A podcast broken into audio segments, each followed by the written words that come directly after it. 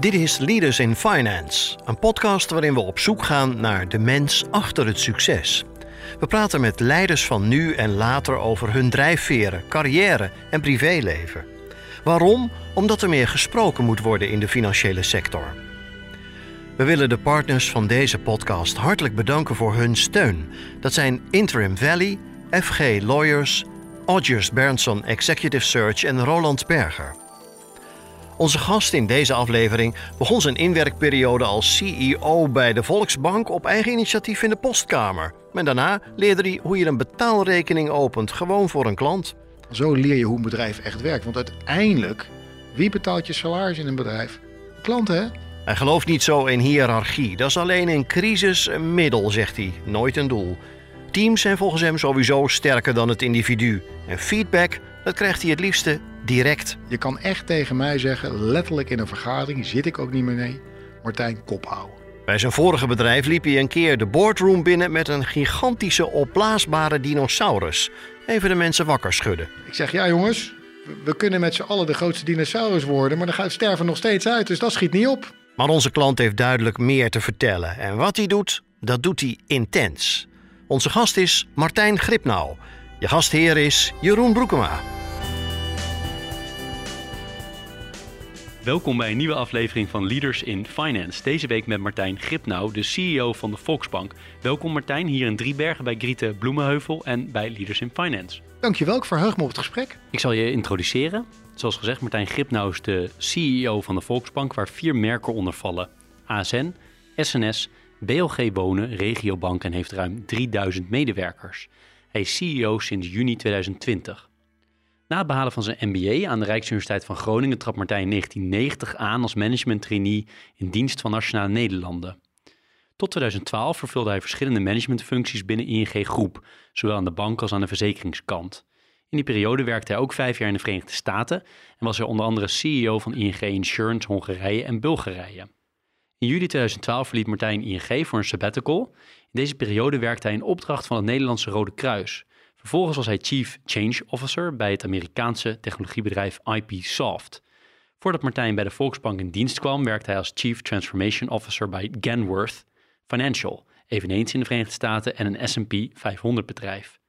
Aantal getallen over de Volksbank die ik heb gekozen op basis van de interimcijfers 2021. De bank heeft 1,72 miljoen betaalrekeningklanten, 770 miljoen euro aan MKB-leningen uitstaan, 45 miljard particulier spaargeld onder beheer en, alsof het gematcht is, 46 miljard aan hypotheken verstrekt. Tot slot, Martijn is 57 jaar, is getrouwd en woont in Amsterdam. Wat ik je eigenlijk als eerste wil vragen, Martijn, is: je werkt nu iets meer dan een jaar bij de Volksbank. Wat is het eerste waar je aan denkt als je terugkijkt op dat jaar? Nou, laat ik mee beginnen dat ik, ik heb geen haar voor uh, je luisteraars. Ik heb geen haar op mijn hoofd, heeft spijt gehad van mijn keuze. Ik vind het echt een, uh, een eer. En ik vind het een soort roeping om een bijdrage te leveren via de Volksbank aan, aan, aan, aan, aan BV Nederland. Uh, wat ik het lastigste vond van uh, een beetje het gedoe, hè, wat, er, wat je her en der hebt kunnen lezen, was met name dat ik uh, Anita vijf maanden niet heb kunnen zien. Dat gaat me echt nooit meer gebeuren.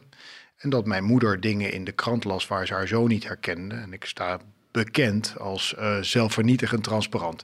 Dat was eigenlijk het zwaarste, dus meer op het persoonlijke vlak. En ik vond het vooral heel vervelend afgelopen jaar um, voor, mijn, uh, voor onze klanten en onze medewerkers en voor betrokken personen. Maar heel eerlijk gezegd, dat gedoe ligt echt al een jaar achter me.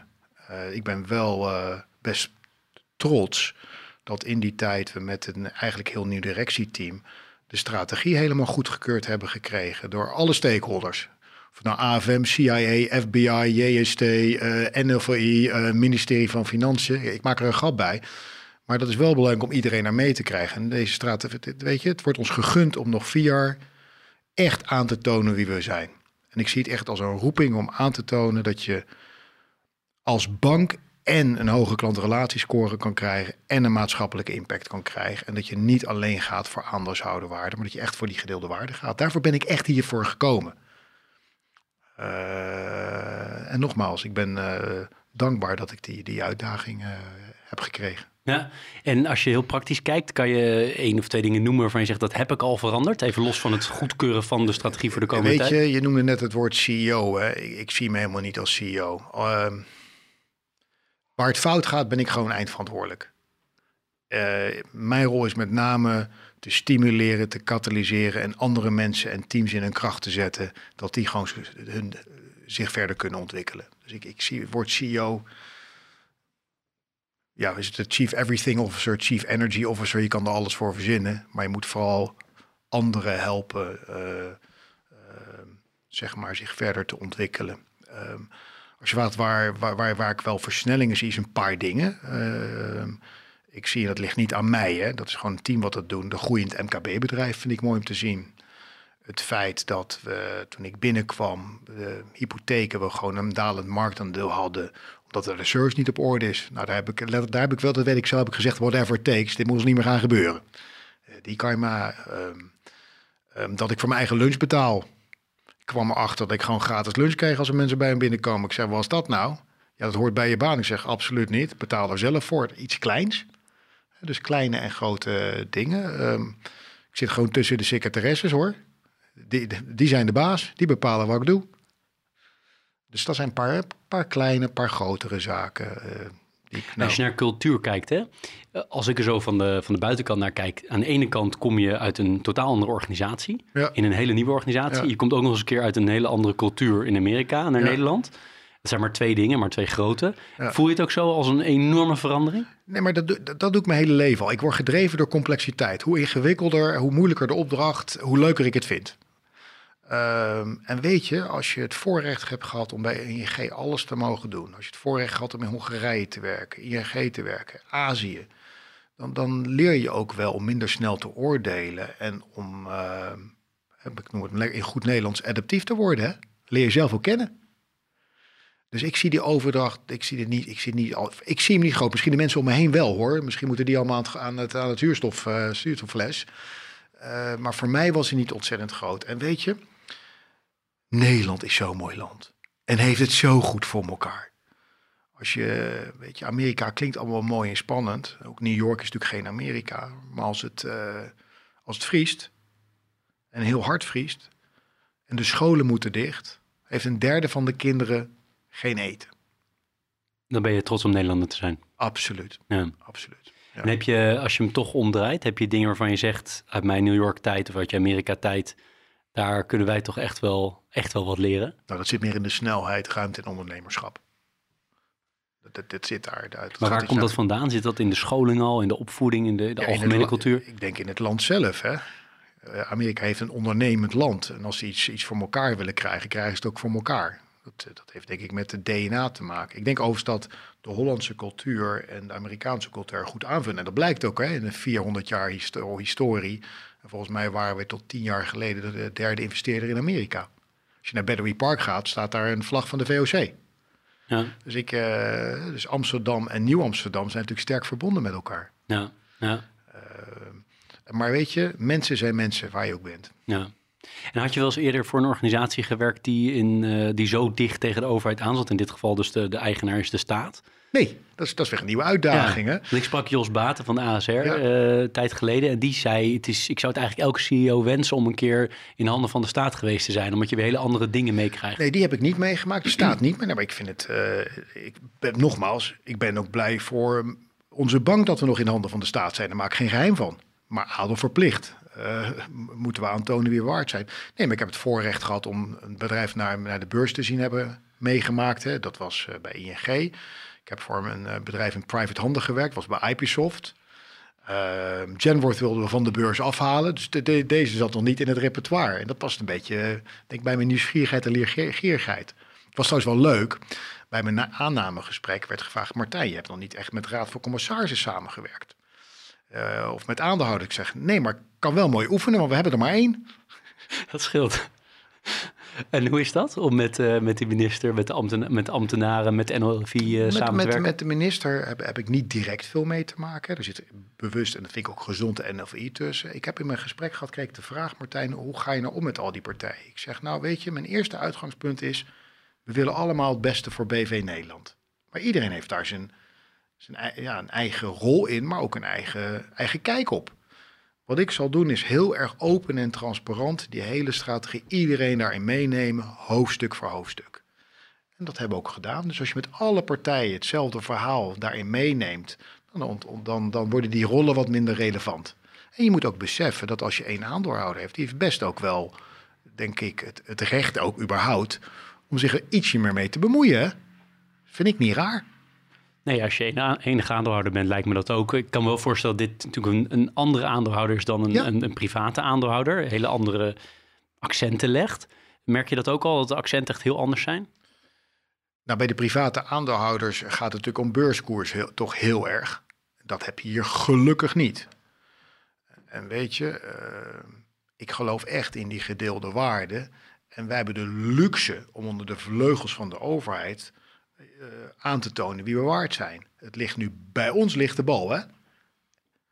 Dus, heb je ook in het FD-artikel ook nog eens kunnen lezen. Het ligt nu bij ons. De strategie is goedgekeurd. Die is hartstikke spannend. We geloven erin. We, zijn, we hebben het voorrecht dat we, dat we kapitaalkrachtig zijn. Dat we een enorm hoge klanttevredenheidsscore hebben. Nu is het aan ons om ook te laten zien dat je daar ook het maatschappelijke rendement mee aan kan tonen. Als wel het klantrendement. Voor de klant dan, hè, rendement voor de klant. Als rendement voor de, voor de aandeelhouder kan, kan uh, leven. Helder. En in alle voorbereidingen die ik heb gedaan, of alle dingen die ik heb uh, gelezen over jou, valt me op dat je heel snel, en dat doe je in dit gesprek ook, zegt van, ja, ik ben een CEO, maar het, het zou ook Chief Everything Officer. En dat benadruk je heel erg. En je vindt het heel belangrijk ook om je klanten te, heel goed te kennen. Als ik je nou vraag, het afgelopen jaar, hoeveel, hoeveel medewerkers heb je leren kennen? Hoeveel klanten heb je al gesproken? Te weinig, kon niet. Ja. Hè? Dus dat vind ik echt heel lastig. Ik vind het ook plezierig om niet bij om een iets kleiner bedrijf te werken. Zodat je echt nog in de receptie aan de grote tafel binnen kan werken, heb ik gedaan. Maar ik zie niet zoveel mensen. Dat heb ik echt gemist. Klanten nauwelijks gezien. Ik ben, uh... Puur COVID, hè? Ben ja, nee, nee, nee, absoluut, ja. nee, absoluut. Ik ben uh, met vakantie in, in Limburg geweest drie dagen. Nou ben ik naar een SNS-kantoor gegaan. Uh, maar verder, dat heeft echt met COVID te maken. Dat is echt lastig. Hè? Ik ben weggegaan in de COVID-periode. Ik heb niet eens afscheid kunnen nemen. En ik ben binnengekomen COVID. Dus ik hoop, ik ben blij dat we dat achter ons lijken te laten. En dan ga ik weer uh, medewerkers en klanten uh, bezoeken. En, hoe gaat het dan als jij dat in, jou, in de bedrijven waar je voor je gewerkt hebt? Hè? Jij gaat, jij gaat naar, naar klanten toe. Ja. Dan haal je ook heel veel dingen op. Hè? Ja. Je hebt ook klanten die klagen, je hebt klanten ja. die blij zijn. Je hoort. Maar wat doe je er vervolgens mee? Ga je dan meteen in de organisatie ermee terug? Of ga je dat op, van het managementniveau naar beneden laten gaan? Hoe, hoe pak je dat op? Nee, direct oppakken. Ja? En hoe maar, werkt dat praktisch? Geef eens een voorbeeld. Nou, jij bent klant jij probeert een betaalrekening te openen en dat gaat heel erg moeilijk of het gaat niet digitaal genoeg. Nou, daar weet ik toevallig het antwoord op. Dat zijn we aan het bouwen. Als je een andere klacht hebt, ja, dan probeer ik hem wel te verdiepen als ik dat, uh, als ik dat krijg. Uh, luisteren. Maar ga je dan, dan ga je ook door de hiërarchische laag heen, als ik een beetje ja. gelezen heb. Hoe bevalt, bevalt managers nou, dat? Uh, nou, kijk, als je een bedrijf wil echt fundamenteel wil veranderen, moet je de primaire processen kennen. En wat ik probeer te doen is als ik binnenkom me te gedragen als een stagiaire. Mijn eerste afspraak was bij de postkamer. Je moet weten hoe die... betekent niet dat je moet gaan micromanagen. Dat is anders. Maar je moet wel weten wat er speelt. En dan moet je wel kiezen waar je zelf op acteert en waar niet. Maar het is af en toe om het een versnelling te geven, om, te laten, om dat te laten zien. Uh, in het begin doe je dat ietsje meer en op een gegeven moment kan je dat wat, wat, wat, wat uh, verminderen. Maar ik heb, ik heb ik heb alle betaalrekeningen geopend. Ik open al die, betaal, al die processen. Zo leer je hoe een bedrijf echt werkt. Want uiteindelijk, wie betaalt je salaris in een bedrijf? De klant, hè? Niet, niet de aandeelhouder, niet even mijn klant uiteindelijk. Dus dan wil je wel weten hoe je eigen processen lopen. Nou, die input neem ik dan wel mee. Dan kijk ik, oké, wat is al, wat gebeurt ook echt? Hè? Niet belegd, nee, wat zijn we ook echt aan het doen? Hè? Wordt geïmplementeerd. Daar kijk je dan, uh, ja. dan uh, nou, even nou je opmerking over de CEO, want dat zit echt in mijn genen. Kijk, ik geloof echt heilig in een paar dingen. Ik geloof dat een divers team met iets van een roadmap en, en een ambitie altijd resultaat haalt. Ik geloof dat, ik zeg het even in Engels, a structure doesn't perform, people do. En ik geloof, ik geloof niet in een hiërarchie geloof ik alleen in een crisis als dat nodig is. Maar uiteindelijk worden mensen, geloof ik niet dat je daar mensen ontwikkelt en beter maakt. Zeker niet als je naar agile gaat. Dus hiërarchie is een hulpmiddel, geen doel op zich. Weet ik nou echt meer dan een medewerker aan de telefoon? Absoluut niet. Hoe hoger je komt, hoe meer je moet faciliteren en anderen in staat moet stellen succesvol te zijn. Dat zie ik echt als mijn rol. En betekent dat dat jouw strategie, die je overal goedgekeurd hebt gekregen, dat je die dus ook echt heel erg moet verkopen? Ik, nou, we, hebben proberen te ontwikkelen, ook met het hele MT. Met zoveel mogelijk mensen. Ja, ja, verkopen, uitleggen. Verkopen is het verkeerde woord. Je moet het echt uitleggen dat mensen zich eigen maken. En we hebben bijvoorbeeld een hele grote kick-off gedaan, eh, online, in de NBC-studio's. Eh, we hebben gemeten, niet meteen de dag daarna, want dan scoort iedereen hoger, maar echt weken daarna. En dan zien we ook in ons medewerkers tevredenheidsonderzoek dat die breed gedragen wordt. Wel dat er veel onrust, dat er ook onrust door wordt gecreëerd, maar wordt wel breed gedragen. Verkopen vind ik niet. Je moet uiteindelijk ook, uh, ja, weer, sorry, weer zo'n Engelse term. Het gaat om hearts en minds, hè? Met verkopen doe je dat niet. Verkopen is transactioneel. Als je een bank bent die gaat voor klantenrelaties scoren, ga, heb je het over dialogen. Dus niet verkopen. Moet je het ook intern doen. Past ook bij Agile, hè? Want Agile wordt een hiërarchie veranderd door een dialoogstructuur. Daar past geen hiërarchie mee. Maar ik maak het altijd heel simpel. Alles wat fout gaat, kan je bij mij zijn. Het goed gaat, kan je bij iedereen anders zijn. Dan heb je ook geen last van hiërarchie. Wat ik mooi vind bij jou is dat je aan de ene kant uh, in je carrière zie je steeds meer een move, zoals ik het in ieder geval uh, zie, naar de tech-kant. Dat je dat je interesse ook heeft. En aan de andere kant ben je heel erg gefocust op mensen. In al die dingen die ik lees en hoor. Soms botsen die twee natuurlijk kan me voorstellen, want je wil aan de ene kant mensen graag uh, ook werk bieden, maar sommige dingen worden ook straks overgenomen door automatisering. Uh, botst het wel eens bij jou dat je denkt van ja, ik, ik wil eigenlijk hier ook werk, veel werkgelegenheid creëren, maar ja, met tech kan ik ook wel met, zon, met, met minder mensen. Het zijn drie onderdelen bij mij altijd, als ik er even zo vrij mag zijn. Het is de technologiekant, uh, de menskant en de klantkant. Mm -hmm. Dat heb ik altijd leuk gevonden. Dus eh, als je kijkt mijn studie heb ik ook die kant, zoek ik ook altijd op die, die driehoek. Ik denk dat elkaar kan versterken. Uh, ik ben in 1990, mocht ik al voor Nationale Nederlanden bezig zijn met expertsystemen. Toen hadden we al, konden we al 9% van alle autoproducten, homeproducten aansprakelijk automatisch accepteren. Technologie was veel te ingewikkeld. Ik geloof uiteindelijk dat de computer en de mens de winnende combinatie is. Dat geloof ik oprecht in. En dat je het, um, uh, uh, maar wel dat het routinewerk veel meer geautomatiseerd wordt. Leidt dat tot een verandering in de samenleving en de mogelijke splitsing tussen, uh, is, dat zou kunnen. Ik denk dat je ambachten gaat krijgen. Ik denk dat je hele nieuwe industrieën gaat krijgen. Heb je als verantwoordelijkheid als bedrijf om mensen employbaar te houden, als bedrijf, maar ook als mens zelf moet je daar tijd in besteden. Maar uiteindelijk zijn er hele nieuwe industrieën uitgekomen. Wie had gedacht van Uber? Wie had gedacht van een Tesla? Hele nieuwe industrieën met hele gaming, een hele nieuwe industrie. Dus ik ben een optimistisch mens. Ik denk dat er nieuwe industrieën komen en dat er een nieuwe balans wordt gevormd op een gegeven moment. Ik weet nog niet hoe die eruit ziet. Ik wilde wel een bijdrage aan leveren. Klinkt alsof dat ze niet echt botsen bij jou dus, te horen. Ja, ik kan, ik kan, maar misschien ligt dat, dat mijn hoofd een beetje... Kijk, mijn, mijn vrouw zegt altijd, Anita, everybody is differently wired. Uh, ik, kan, ik, ik vind paradoxen leuk. Ik heb er zelf drie, waar ik altijd naar uh, in geloof. En ik probeer die aan elkaar te koppelen. Dat leidt, leidt af en toe wel eens tot kortsluiting. maar door die kortsluiting, systeemleer, moet je even destabiliseren. Krijg je weer een, nieuw, een nieuwe balans. En dat, ik weet dat die gaat komen. Voordat we nog meer naar jou toe gaan, nog even één ding wat mij... Nog meer? Ik ja, heb het ja, nee, op zeg. Meer naar jou, ik vind het soort kruisverhoor dit. dat hoop ik niet. de één ding wat mij eh, persoonlijk erg interesseert aan de strategie van de Volksbank is de, de MKB-focus. Je ja. hebt in heel veel gesprekken leg je ook ja. uit, wat ik zelf in mijn vorige baan ook altijd gedaan heb, hoe groot dat kleinbedrijf is en vooral die K hè, van het MKB uh, niet per se altijd het beste bediend wordt van, van het totale MKB. Um, jij wil erin groeien, begrijp ik. Uh, hoe ga je dat uh, praktisch doen? E-, eerst even, ik heb diep respect ook voor jou, want je hebt ook gewoon je eigen bedrijf opgezet. Ik ben een laffe loonslaaf.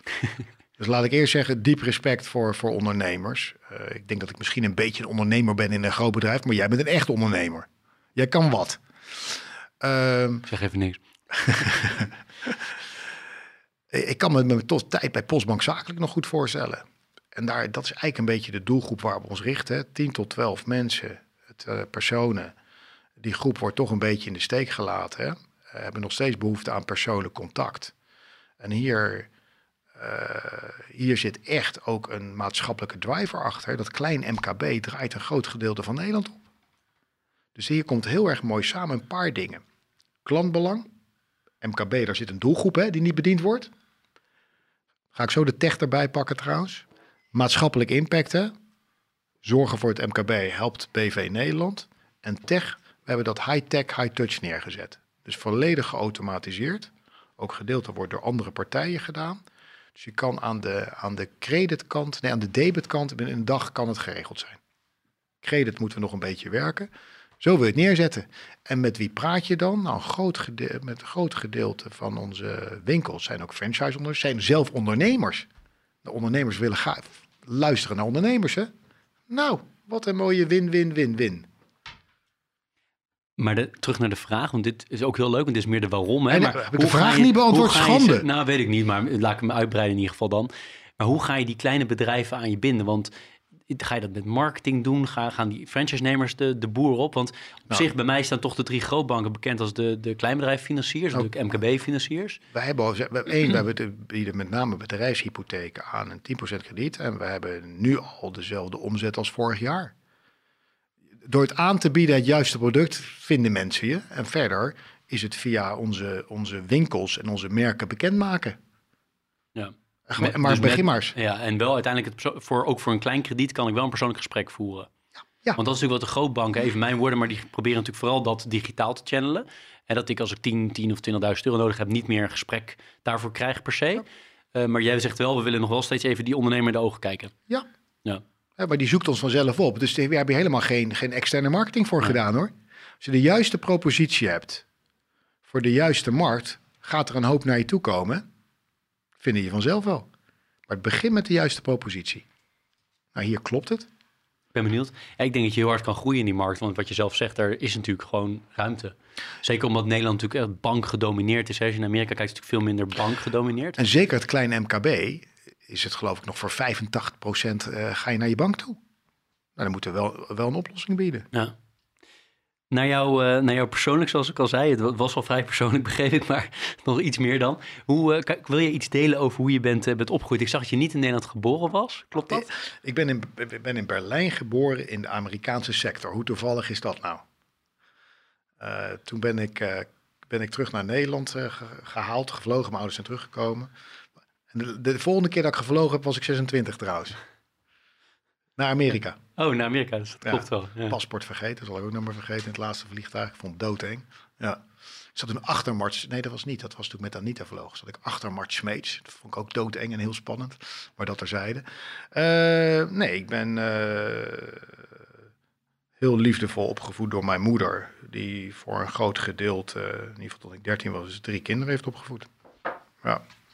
En achteraf eh, besef je pas hoeveel je moeder iets voor je gedaan heeft. Hè? Ja. En daar ben ik heel dankbaar voor. En die heeft altijd proberen zelf naast te werken. En door die opvoeding heb ik wel, eh, denk ik, meegekregen een hoog verantwoordelijkheidsgevoel. En ik heb, eh, ik heb, geen, ik heb geen asperge in mijn rug zitten. Nee.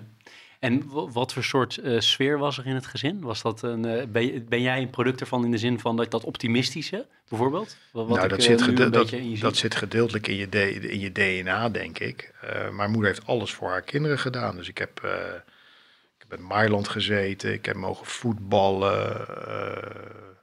iedereen ging naar dansschool, konden we niet betalen. Dus dat heb ik gelukkig, over, mogen, gelukkig mogen over, overslaan. Nee, ik ben heel dankbaar vooral voor moeder voor de liefde. En de goede opleiding die ik heb gekregen. En ik ben dolblij dat mijn moeder hertrouwd was toen ik 13 was. Ik had wel een vader nodig. Ik was, eh, ik was redelijk onhandelbaar. Ja, was het zo? Ja, Wat betekent dat? nou, ik kwam ook uit onzekerheid. Enorm hoog energieniveau, wat ik niet beteugelde. Dus ik ben heel blij dat mijn moeder hertrouwd is. En mijn, eh, mijn, eh, mijn, mijn stiefvader, dat is zeg maar meer mijn emotionele vader. Ja, Ja, ja. Heel, daar heb ik heel dankbaar voor, ja. En hoe heb jij je keuze gemaakt voor studie? Nou, ik wil, oh, dat wa- was heel simpel. Ik wilde zo ver mogelijk weg. Dat Want je was woonde in, waar groeide je op? Den Haag. Den Haag, ja. Zoveel Koninklijke Haagse voetbalverenigingen. Ik, ik hoop dat ik nog, nog een keertje mee kan trainen trouwens. Ehm, het was heel, was heel simpel, of bedrijfskunde of arts. Oké. Eh, ik, was, ik was ingelood ook voor, voor arts. Ik had ook gewoon een volledige beta-studie gedaan. Eh, maar ik kwam erachter dat als je bijna heel, één heel slecht oog hebt, dat de kans dat, je, dat het niet zo slim is om chirurg te worden. Dat wilde ik echt. En wat zit erachter? Dingen beter maken. Nou, bedrijfskunde gedaan, geen, geen, geen spijt gehad. Ik heb lekker lang doorgestudeerd. Maar het was arts of bedrijfskunde? Ja, arts ja. legt hier goed uit, ja, maar, bedrijfs- bedrijfskunde? bed- bedrijven beter maken. Bedrijven beter maken. Oké. En vervolgens eh, heb ik zo lang mogelijk gestudeerd. Dat kon nog. Ik heb er allerlei dingen bij gedaan. Ook allerlei vakken bij gedaan. Bij economie, filosofie, rechten. Dat ik het gewoon echt leuk vind. En ik ben echt de laatste... Ik ben afgestudeerd. eh, wat was het nou? 29 januari en 1 februari gaan werken ook. Ik was ongeveer de laatste, laatste in mijn huis, et cetera. Dus eh, ik heb er, zo, ik heb er heel, heel veel plezier gehad. Dus ik vind ook uit dat oogpunt... De staat heeft mijn studie betaald. Dat ik ook om die reden ook terug moet geven aan Nederland. Dat, is, dat is wel mooi. Ja. Er zitten een aantal lijnen dus. Maar hoe typeer je je, stu- je studententijd? Was dat, eh, je zegt ik heb heel veel vakken gedaan. Was het ook heel veel lol of was het vooral hard werken? Of, eh? Ik, mensen zagen altijd wel dat ik ernaast werkte. Die deden altijd iets bij. Student, assistent, eh, almanakken, theater. Ik heb er altijd dingen bij gedaan. Dus de meeste mensen vonden mij meer een werkende student. Dus die zeiden, je hebt niet genoeg lol gehad. Maar ik heb meer dan genoeg lol gehad. Ik Leuk. kijk met heel veel plezier terug op de, op de studententijd. Ja. Ja. En je zei ik ben direct daarna gaan werken. Hoe kwam je daar terecht? Eh, nou, ik heb gesolliciteerd bij drietal banen trouwens. Dat kan ik nu wel roepen. Eén was Nationaal Nederlander, ander was Unisys en het andere was het FD. Oh. Volstrekt andere hoeken. En eh, Nationaal Nederlander, daar werkten ook nog niet veel mensen. Die eh, was geen geëigend pad, hè. En die boden een heel flexibel, en dan hoor je meteen waarom ik er aansloeg, een heel flexibel traineeprogramma aan. Dus het was het flexibele en het was dat ik erachter kwam dat ik toch wel dienstverlening het leukst vond. Dat eh, heeft iets met nut te maken. Werd je bij die andere ook aangenomen? Dat zou ik niet weten, want ik Maar heb mee- meteen gestopt. gestopt ja. Ja. Eh, Want de FD, wat, daar wilde je journalist worden. Nee, nee, nee, nee, nee. Dat was meer, eh, meer aan de commerciële kant. Ik dacht, heb je een schat aan informatie, kan je daar meer dingen doen. Dat is trouwens wel interessant, want mijn natuurlijke vader is uiteindelijk eh, voorzitter directie geweest worden van het Financieel Dagblad. Dus die, die lijnen komen overal bij elkaar samen. Dat is heel bizar. Oh, dat is wel grappig. Heel ja. bizar, ja. Ja, dat is bijzonder. En eh, toen ben je daar gestart. En kan jij, kan, jij, kan jij zeggen dat je aan het begin van je carrière in je eerste baan ook echt dezelfde manier had als dat je nu hebt van werken? Nou, Het hoge energieniveau, het optimisme en dat soort dingen? dat moet je niet aan mij vragen, maar ik denk dat het antwoord zal zijn eh, ja, maar hij is wel ietsje rustiger geworden. Ja, ik denk dat het antwoord ja zal zijn. Ja. Ik denk dat, maar het zou je niet, moet je niet mij vragen, maar ik denk wel dat het ja zal zijn. En wat zijn de, de dingen die je echt hebt moeten leren? Ik vraag meestal in sollicitaties aan mensen twee vragen. Gefeliciteerd, je hebt de baan, je rapporteert aan jezelf. Wat gaat je irriteren? Of waar ben je walgelijk slecht in? Nou, ik kan je zeggen, eh, mijn lijst is nogal groot. Ik zal, ik zal hem even oproepen. Eh, onder, in de, onderschat de impact van mijn gedrag. Luister met de vertraging. Ga van strategie naar details en terug. Had ik al gezegd, luister met de vertraging. Onder, in de scha- onderschat de impact van zijn gedrag? Ik weet het niet, zou kunnen. Ja, dus het komt uit enthousiasme voor. Eh, dus ik heb wel. Ik kan ook rustiger nu zijn, bewust. Ik moet wel de knop bij mezelf omzetten. Eh, en daar, wat, ik, wat, ik, wat, ik, wat, ik, wat, wat ik mezelf gun iedere keer is een heel sterk team. Wat je ook feedback tussen je ogen geeft. Je kan echt tegen mij zeggen, letterlijk in een vergadering, zit ik ook niet meer mee. Martijn, kop houden. Dat zullen mensen denk ik niet snel doen tegen een CEO of wel? Eh, Steeds meer. Ja? Steeds meer, niet iedereen, maar ik probeer, ook- ik probeer mensen aan te nodigen. Feedback, doe het maar in publiek. Maar waarom Martijn?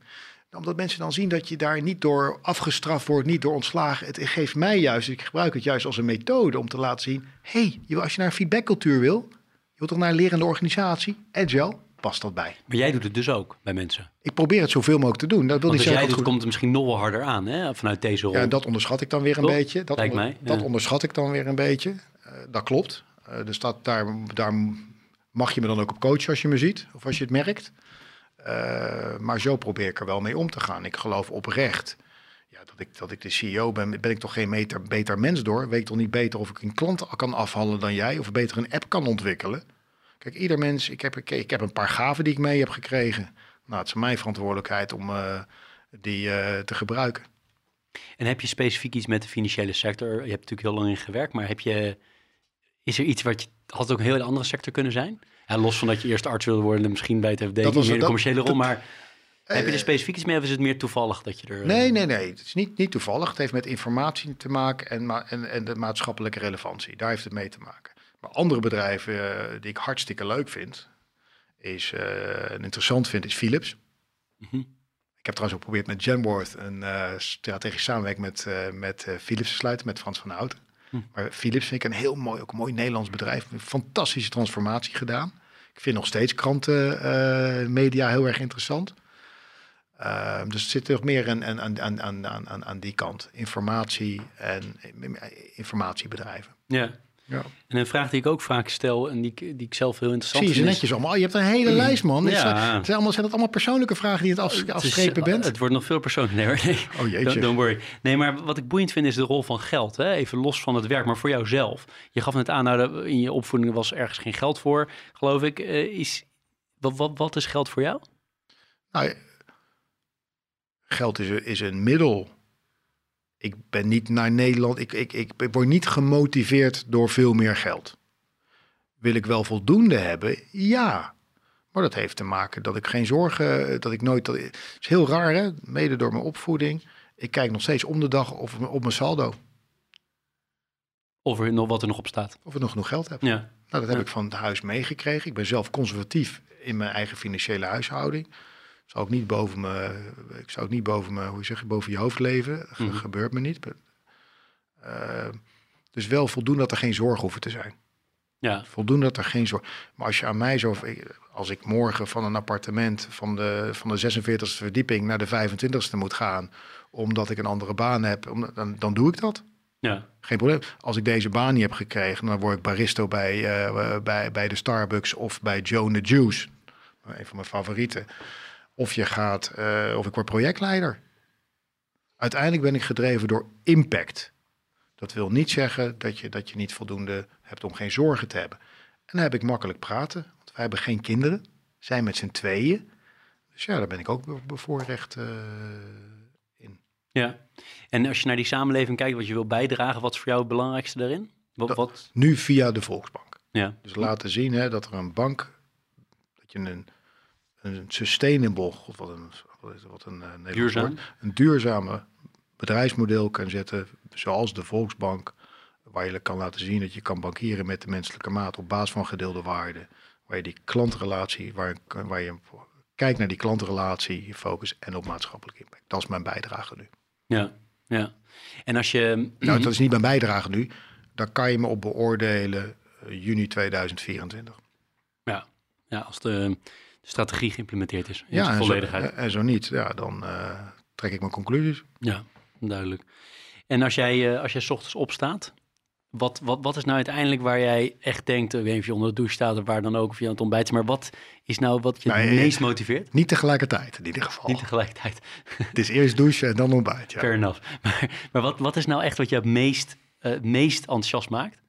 Meest motiveert? Kleine dingetjes zijn dat. Het, kan, het kleine en het grote um, iemand, medewerker gesprek hebben, uh, coaching krijgen of geven op gedrag. Dat je zegt, hey, neemt een keer de lead, wat leuk. Ik kan trots zijn als een uh, team mij wegstuurt. Martijn, we hebben je echt niet nodig. Je verstoort ons alleen maar. Fantastisch. Tot en met gaaf dat, het hypotheek, uh, dat we de hypotheekportefeuille langzaam weer aan het stijgen zijn. Gaaf dat die strategie. Dus het kleine en het grote. Kleine en het grote. Weet je, je kan op twee manieren opstappen iedere dag. Heb ik van mijn, van mijn moeder. Of met een citroen in je mond of met een, met, met, met, met, een, met een sinaasappel. Jou, iedere dag heb je een keuze. Nou, ik kies iedere dag toch. Uh, denk je het vaak bewust? Ja, nee, niet bewust, maar als je, vaak als je even vervelend voelt. Nou ja, dan denk Martijn, je. voor wie ben je? Je bent er niet voor jezelf, je bent om, uh, voor, voor bedrijf, voor je mensen, voor je klanten.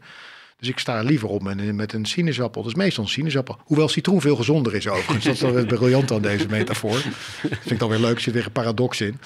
Uh, je hebt iedere dag een keuze. Wat heb je eraan als je de dag chagrijnig doorloopt? Betekent dat ik af en toe wel eens baal? Natuurlijk. Maar heb jij er iets aan als ik hier met een snikkerneur gezit zit? Nee toch? Heeft de klant al niks aan? Hebben medewerkers niks aan?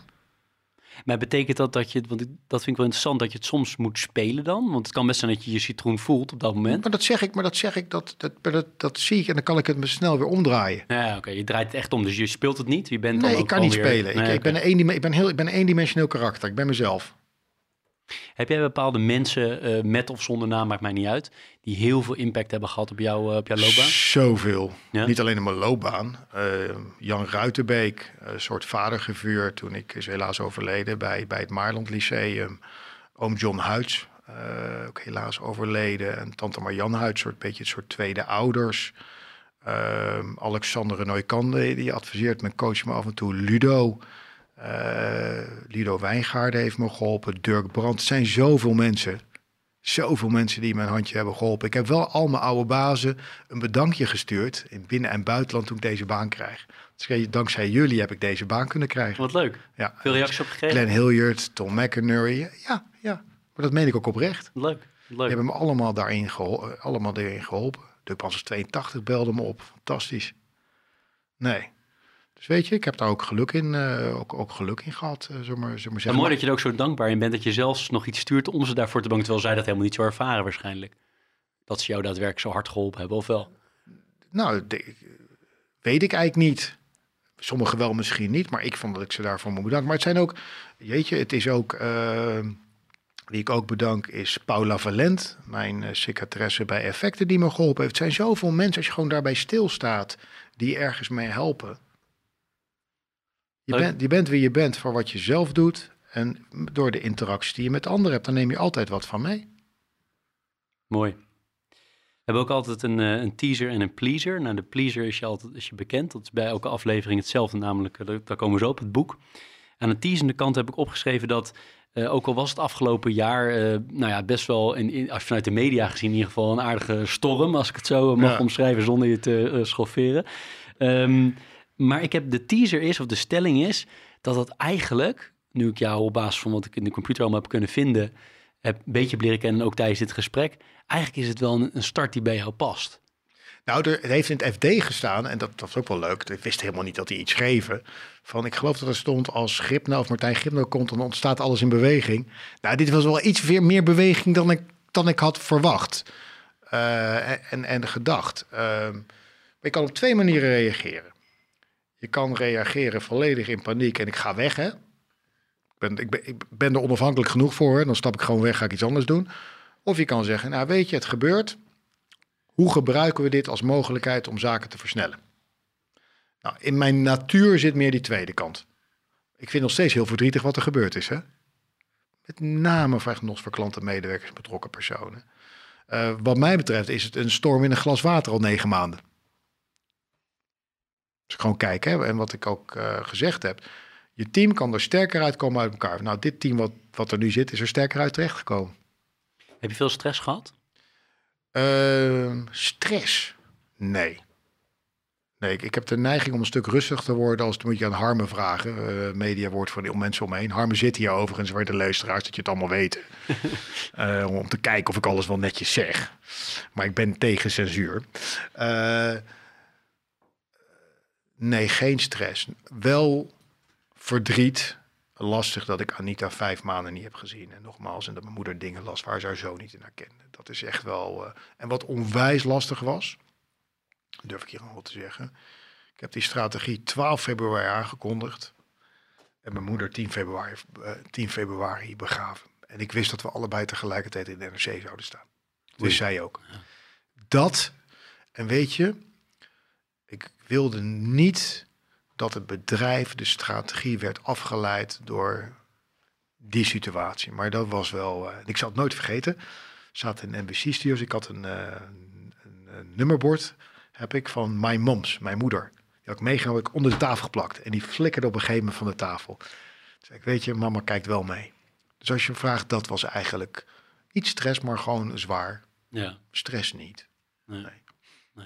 Nou, mooi, mooi hoe je dat, uh, dat verwoordt. Bovendien sport ik veel. Hè. Dan gaat, daar gaat, dat, dat, helpt. dat helpt dan wel weer. Doe, ja. jij ook, doe jij ook? Ga je gewoon 10 kilometer lopen of langer? Precies, ja, precies. Dat, uh, dat helpt altijd. Dat is altijd goed. Um, aan de pleasende kant. Heb je een bepaald boek of lees je veel? Dat ben ik ook altijd nieuwsgierig naar. En zo ja of, of zo nee. Maar heb je een bepaald boek wat jou inspireert? Ik ben echt heel droevig. Als ik lees zijn het veel bedrijfsboeken. Ook iedere zaterdag werk ik in Joe and the Juice. Dan lees ik. Dat vind ik echt leuk. Maar ik pak er, ik pak er een paar uit. Uh, Leading Change van Kotter. En ik geloof uh, Help My Iceberg Melts. Ook van Kotter. Oké, okay, ook van hem. Kotter legt heel goed uit een paar stappen over, over hoe zorg je dat je organisatieverandering nou succesvol doorvoert. Maar legt heel goed het verschil uit tussen management en leadership. En dat is? Nou, ik zal zeggen, maar uh, één is beheren, het andere is stimuleren. Mm. Je hebt beide nodig overigens. Maar vaak zijn organisaties overmanaged en underled. En leader staat trouwens voor echt Amerikaans. Listen, engage, acknowledge and deliver. Hey. En hoe zie jij jezelf? In, als je een 100% schaal hebt, zie jij jezelf als, uh, als 100% 1 en 0 het andere of 50-50 of leader en manager? Ja, dat moet je niet aan mij vragen, maar ik krijg meer energie uit het, voor, uit motiveren, inspireren en minder aan, aan, het, aan het echt beheersen. Hoewel je dat wel hebt geleerd. Ik, ik kan het wel, denk ik, of voldoende, maar krijg er niet mijn meeste energie uit. Geef je dat boek ook, deze boek ook aan mensen? Of, uh... Ik heb bij Genworth iedereen dat boek, uh, dat boek Help My Iceberg Melts gegeven, ja. En uh, krijg je dan ook terug de mensen het gelezen hebben en dat iets meer ja, doen? Ja, en dan vraag ik je, en als je niet leest, vind ik het ook niet maar geef het dan niemand anders. ja. En Help, Help, My, Help My Iceberg Melts beschrijft heel erg mooi wat er gebeurt als je niet naar buiten kijkt en dan langzaam lekker, lekker lekker tevreden bent, terwijl tegelijkertijd uh, lig je een jaar later in de zee. Trouwens ook een leuk, ik heb een keer bij Genworth op iedere afdeling een opblaaspop, uh, uh, gezet, opblaasdinosaurus neergezet van twee meter. Iedere afdeling. dinosaurus? Ja, dinosaurus, iedere afdeling. 1 april ben ik ook de boardroom mee binnengelopen. Iedereen, ik zeg, ja jongens, we, we kunnen met z'n allen de grootste dinosaurus worden, maar dan gaat sterven nog steeds uit, dus dat schiet niet op. Werd het meteen begrepen, of niet? Nou niet, niet, nou, niet iedereen vond dat leuk natuurlijk. Maar ja, weet je, dat is dan jammer. Ik probeer het wel een beetje op een speelse manier te doen, maar wel een boodschap te geven. Ik heb ook een foto met allemaal dinosaurussen rond mijn tafel staan dan. Ik ben natuurlijk zelf ondertussen ook al een dinosaurus. Ik zit al twintig jaar in de financiële dienstverlening. Ik zeg ook meestal, de vernieuwing moet niet meer van mij komen. Je moet van alle mensen aankomen die, die met een verse blik kijken. Dus ik probeer meestal uit te dagen als mensen nieuw bedrijf zijn, probeer ik ze na drie maanden te spreken. Dat kan ik je ook niet iedere keer doen. Wat zou je dat, dan krijg je de feedback nog te horen. Ja. Dan vraag ik dan, wat gaat goed? Wat zou je veranderen? Ja. Want je noemde even tussendoor eerder van uh, dat je zelf ook wel eens een beetje gecoacht wordt door uh, Alexander Neukan. Of even de coaching nee, nee, is. Word, of, uh... nee, uh, je wordt gecoacht. Je wordt als je, door iedereen. Ik word gecoacht door mijn collega's. Mm -hmm. Het is maar hoe je coaching definieert. Maar heb je ook een soort van dit, mensen die jou echt die je eens in zoveel tijd spreekt als nee. vaste coach? Nee, je haalt nee. bij overal vandaan. Ik haal het overal. Ik ben, nee. een, ik ben een shopper. Ik ben, ik ben een, een mislukte millennial. Mislukte millennial. Ik, ik, kreeg, ik, kreeg, ik, kreeg, ik heb trouwens echt een certificaat gekregen dat ik een 80% millennial was in Amerika. Ik zei, waar komt die 80% vandaan? Ik heb meer discipline en woon niet bij mijn ouders. dus het is instant satisfaction. En ik haal. Nee, ik, ik denk ook dat, zeggen, dat ik een tijd geen vader had. Dat ik ook geshopt heb. Hè, zoals je het dan zegt. Dan haal je dat ergens anders van, uh, ja, van, uh, ja. van, vandaan. Dus coaching haal ik overal vandaan. Ja. Ik moet je er open versteld. wil niet zeggen dat ik er altijd meteen naar luister en goed in ben. Hè? Mm. Even uh, shame on me. Maar als je, als je gelooft dat echt teams altijd het beter doen dan een individu. Ja, dan moet je daar ook open voor stellen. Mm. Mm. Even nog over. Zoals jij mij nu hoort, welk advies zou je dan mij geven? In zijn algemeenheid? Ja, coachend. Um, nou, ik wil niet per se meteen een advies hebben. Ik denk, wat ik, waar ik als eerste aan denk, is wat ik gewoon leuk vind, is dat je niet zit na te denken over wat ik nu zeg, is dat correct, politiek correct of hoe je het zal verwoorden. Dat vind ik heel leuk. Dat is niet een advies, maar dat is iets wat ik denk, zeker in de financiële sector. We hadden het even in het voorgesprek over. Dit is overigens leaders in finance en niet management in finance, maar dat even tussendoor. Dat, dat, dat, dat, denkt wel één persoon dat ik een leader ben. Dat ben jij. sowieso, sowieso, die, die, die heb je. Nee, maar kijk, dat is natuurlijk even de reden van deze podcast. Dat ik, wat jij doet, gewoon openlijk praten over jezelf en over wat je doet. Dat gebeurt mijns inziens te weinig in de financiële sector, in, de samenleving breed. Maar zeker in de financiële sector, zeer rationeel gedomineerd. eh, minder eh gevoelsmatig. Ik denk dat het heel goed zou zijn als dat meer in balans komt. Dat mensen daarin eerlijk zijn. Maar je coachend advies zou zijn, als ik Ja. dat uit, Nee, nee, als ik dat je doorvraagt, eh. zou, zou, zou, zou kunnen zijn. Ja, Martijn, hè, je, je openheid wordt op prijs gesteld. Ehm, dat je van je hart geen moord kan hebben. Maar je moet dat misschien in bepaalde situaties een beetje aanpassen. Want dat kan de, kan de, de bank nadelig beïnvloeden. Dus dan wil je misschien toch Nee, tot dat 20 zou niet tellen. zijn. Maar je hebt me nu Huh? wel getriggerd genoeg dat ik antwoord ga geven. Ik moest even... ik hebt weet daar ook uit een antwoord. Ja, Ja, dat, dat- dat, dat- dat is gelukt. Ik zou zeggen, zou- kan je ook zeg maar er een vraag stellen en dan twee minuten je mond houden. En puur kijken wat er gebeurt, of het stil wordt of niet. Dat zou, dat zou ik wel interessant vinden. Kan ik, is lastig en moet ik een bewuste keuze maken. Ik doe het wel meer. Eh, vooral als er een moeilijk besluit genomen moet worden waar ik tegen zeg, kan ik het wel. Komt niet natuurlijk. Maar zie je dan leuke effecten? Want nu ga ik Ja. doorvragen. Maar, Ja, ja, dus het kan werken, zeg maar. het kan werken, maar, maar voor mij om niet aanwezig te zijn, moet ik er gewoon letterlijk niet zijn. Nee. Nee, dus, ja, ik, ik overigens, ik kan me helemaal in verplaatsen. Het lijkt me ook heel moeilijk om dat eh, te kunnen. Ik Nee, kan het ontzettend slecht. Dus eh, makkelijk om Maar iedere, te iedere, iedere coaching is welkom hoor. Ja, dus, nee, dus eh, nee, eh, ik, ik wil wel antwoord geven op je vraag. Dus, eh, ehm, ik heb nu bijna 80 eh, leiders, hè, ehm, eh, managers, wie zal het zeggen, geïnterviewd in de financiële sector. En één vraag heb ik altijd gesteld. En dat heb je bepaalde tips voor mensen die nu beginnen in de, in de financiële sector. Oh, zoals ja. bij Volksbank of waar dan ja, ook. kijk die vraag. Kijk, eerst wat ik zeg, ga je kracht, ga je sterktes ontdekken. Mijn boek, ander boek wat ik had zou hebben genoemd is Strength Finder. Er zit nog een leuke tekst, maar echt allerbelangrijkste is ontdek je kracht. Dat geeft je energie. Dat zijn de dingen die leuk zijn. Ga je niet richten op hiërarchie of dat allemaal onzin. Focus wat je ontdek je krachten. Dat vind je leuk. Dat geeft je energie. En hoe doe je dat? Kom je daar zelf achter? Moet je dat mensen vragen? Kom, ah, beide. Beide, denk ik. Dus pro- ik zou zeggen, probeer alles uit. Eh, mijn, mijn, mijn vader zei een keer tegen mij, eh, probeer alles een keertje. Als je, en, eh, eh, als, je, als je het leuk vindt, doe je het nog een keer. Maar had je dat bij je eerste banen meteen het gevoel, ik zit op mijn plek? Ik voel me in het algemeen snel thuis ergens. En als je niet meer thuis gaat, en dan moet je, moet je op een gegeven moment weggaan.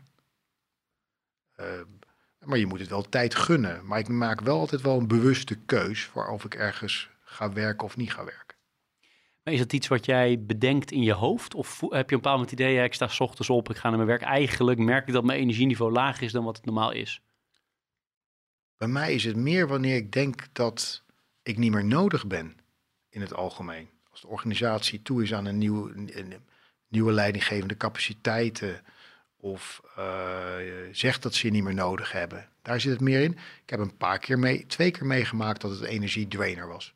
En wat voor soort dingen gebeuren er Maar dan? dan, nou ja, dan krijg je buikpijn, krijg je negatieve energie en dan moet je gewoon je baan opzeggen.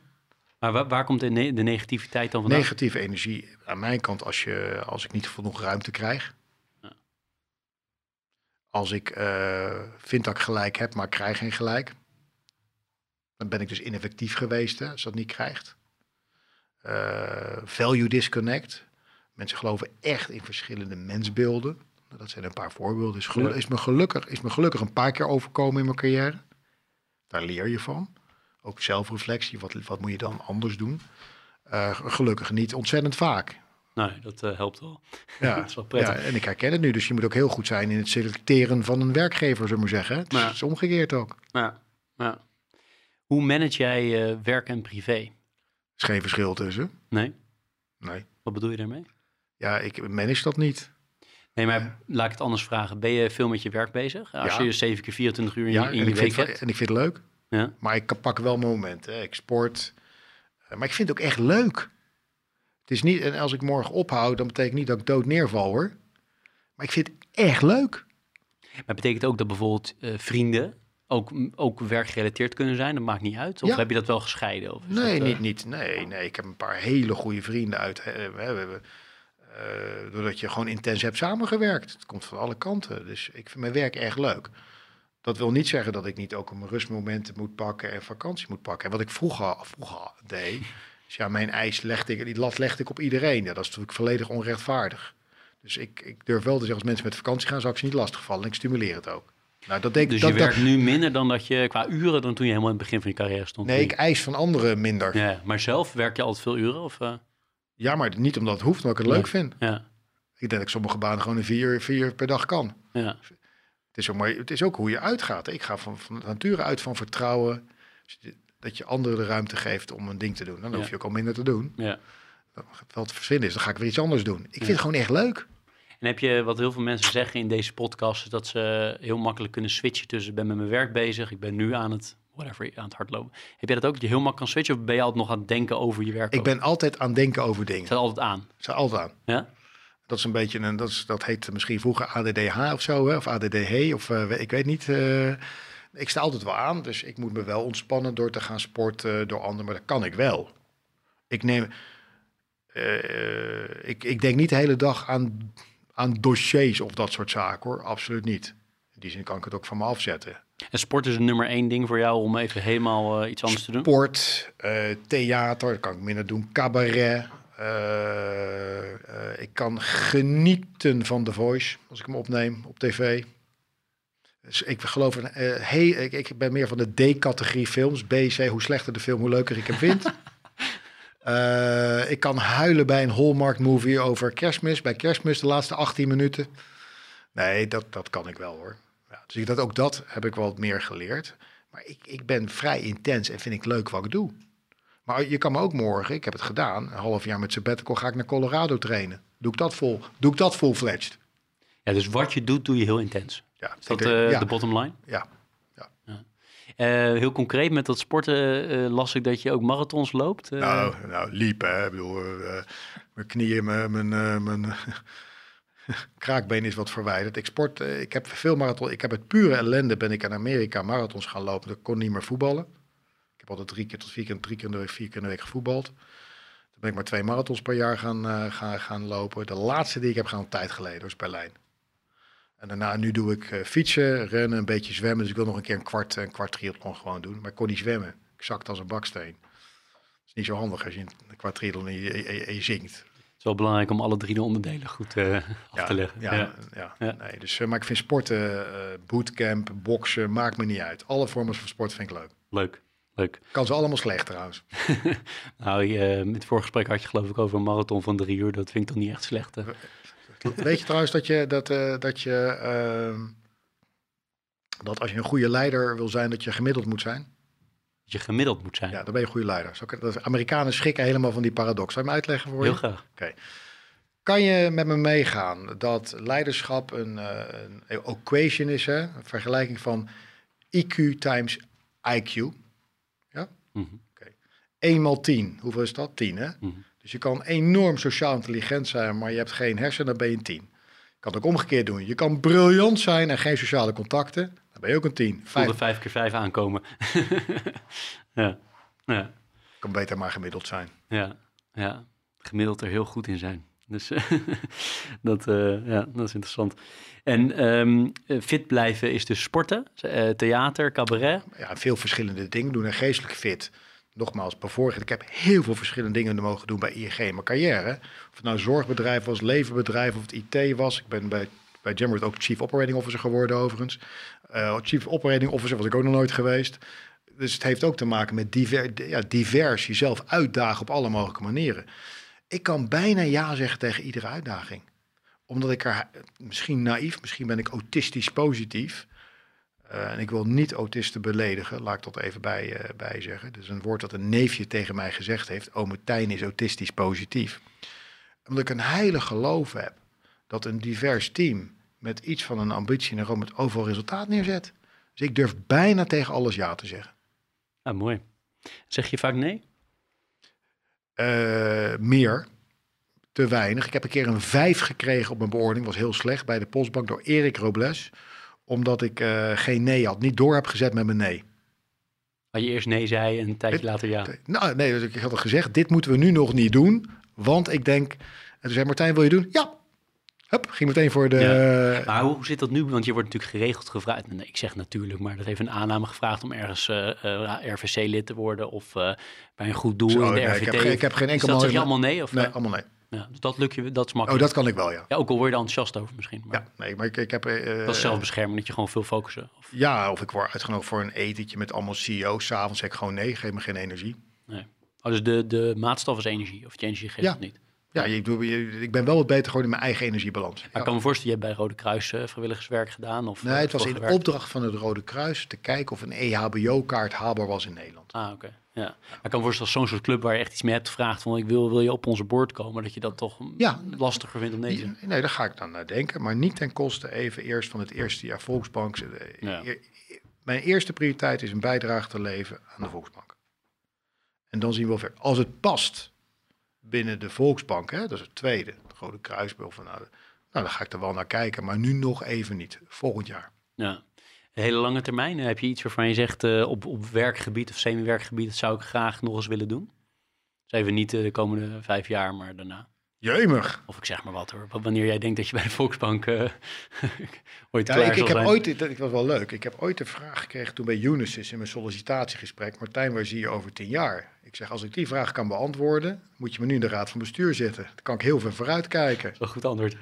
Nee, maar is er iets, even los van de tijd, maar is er iets waarvan je zegt, het lijkt me heel interessant. nee, onderwerpen die mij boeien zijn technologie, jeugd en sport. Echt, eh, hebben me altijd geboeid. Ja. Eh, en ik vind eh, lesgeven leuk. Werkcolleges geven, uitdagen van, dat vind ik gewoon leuk. In die hoek zouden we het eh, In- in- in moeten die, zoeken. In, in, in, in die hoek, ja. In die hoek. In die hoek. Ja. En bijvoorbeeld bij Genworth deed ik er wat naast. Eh, Ik deed veel vrijwilligerswerk, maar in een daycare-center voor mensen die Alzheimer dementie hebben. Dus ik doe liever dan niet bestuurlijk, maar ik doe dan let. Ik deed zelf eh, de muziektraining. Oh ja, ja. Ja, want zou jij het überhaupt leuk vinden om toezichthouder te zijn ergens? In, ik bedoel een RVC-toezichthouder? Ik, ik denk dat je. Ik, eh, Niet jouw rol. Volgens mij moet, is dat, nee, is dat ik, ik, ik gun dat de bedrijven nu nog even niet toe, eh zullen we maar zeggen. Ik adviseer wel, ik heb wel altijd kleine bedrijven geadviseerd en start-ups, dat vind ik leuk. Maar volgens mij moet ik nog geen toezichthouder zijn, nee. Mooi. Voordat ik je ga bedanken voor je, voor je, voor je openheid en het leuke gesprek. Heb je iets waarvan je zegt, Jeroen, had ik eigenlijk wel willen delen? Of jammer dat je het niet gevraagd hebt. Ik heb heel veel wel gevraagd, maar eh, Welke vraag heb je nog niet gesteld? er zijn een heleboel natuurlijk Eh, altijd. wel, heb, maar, heb, heb je, welke, welke, welke elephant in the room heb, heb je nog niet opgediend hier? Nou, eentje die ik altijd graag stel, zo tegen het einde, die ik nu niet gesteld heb. Dus goed dat je, goed dat, je dat zegt. Is, is er nog iets waarvan mensen verrast zouden zijn als ze dat van jou wisten? En er komen vaak hele leuke dingen op dat mensen zich totaal niet wisten van een persoon. Ik had laatst en, die, en die ik wil delen. Ja, nou dat laatste dat is even niet aan mij, maar eh, ja. dat ik kan huilen bij een Hallmark movie en dat ik in juni al naar kerstfilms kijk. Kijk, nou, dat is... eh eh, Martijn, heel erg veel dank voor je, voor je tijd en hoe, hoe vernietigend transparant je bent geweest in dit gesprek. Hartstikke leuk. Precies wat, waar de podcast wat mij betreft voor staat. Dus heel veel dank. Met dank aan Bocca Koffie. Ik wijs er nu naar, dat kunnen luisteraars niet zien, maar krijg je zo meteen een, een bedankje. Dankjewel. Ehm Bocca Koffie is een eh, B Corp gecertificeerd bedrijf. En dat een mooie, mooie, mooi systeem, dat eh, B Corp. Ja. Eh, veel dank. En ik ga je volgen. Jij bedankt. Doei. Doei.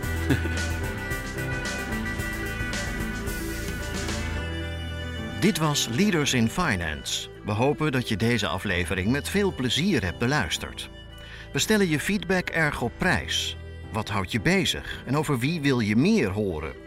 Laat het weten via een Apple of Google review. Dat kan ook via de sociale media kanalen of direct via een e-mail. We kunnen het enorm waarderen als je dat doet. Tot slot danken we onze partners voor hun steun.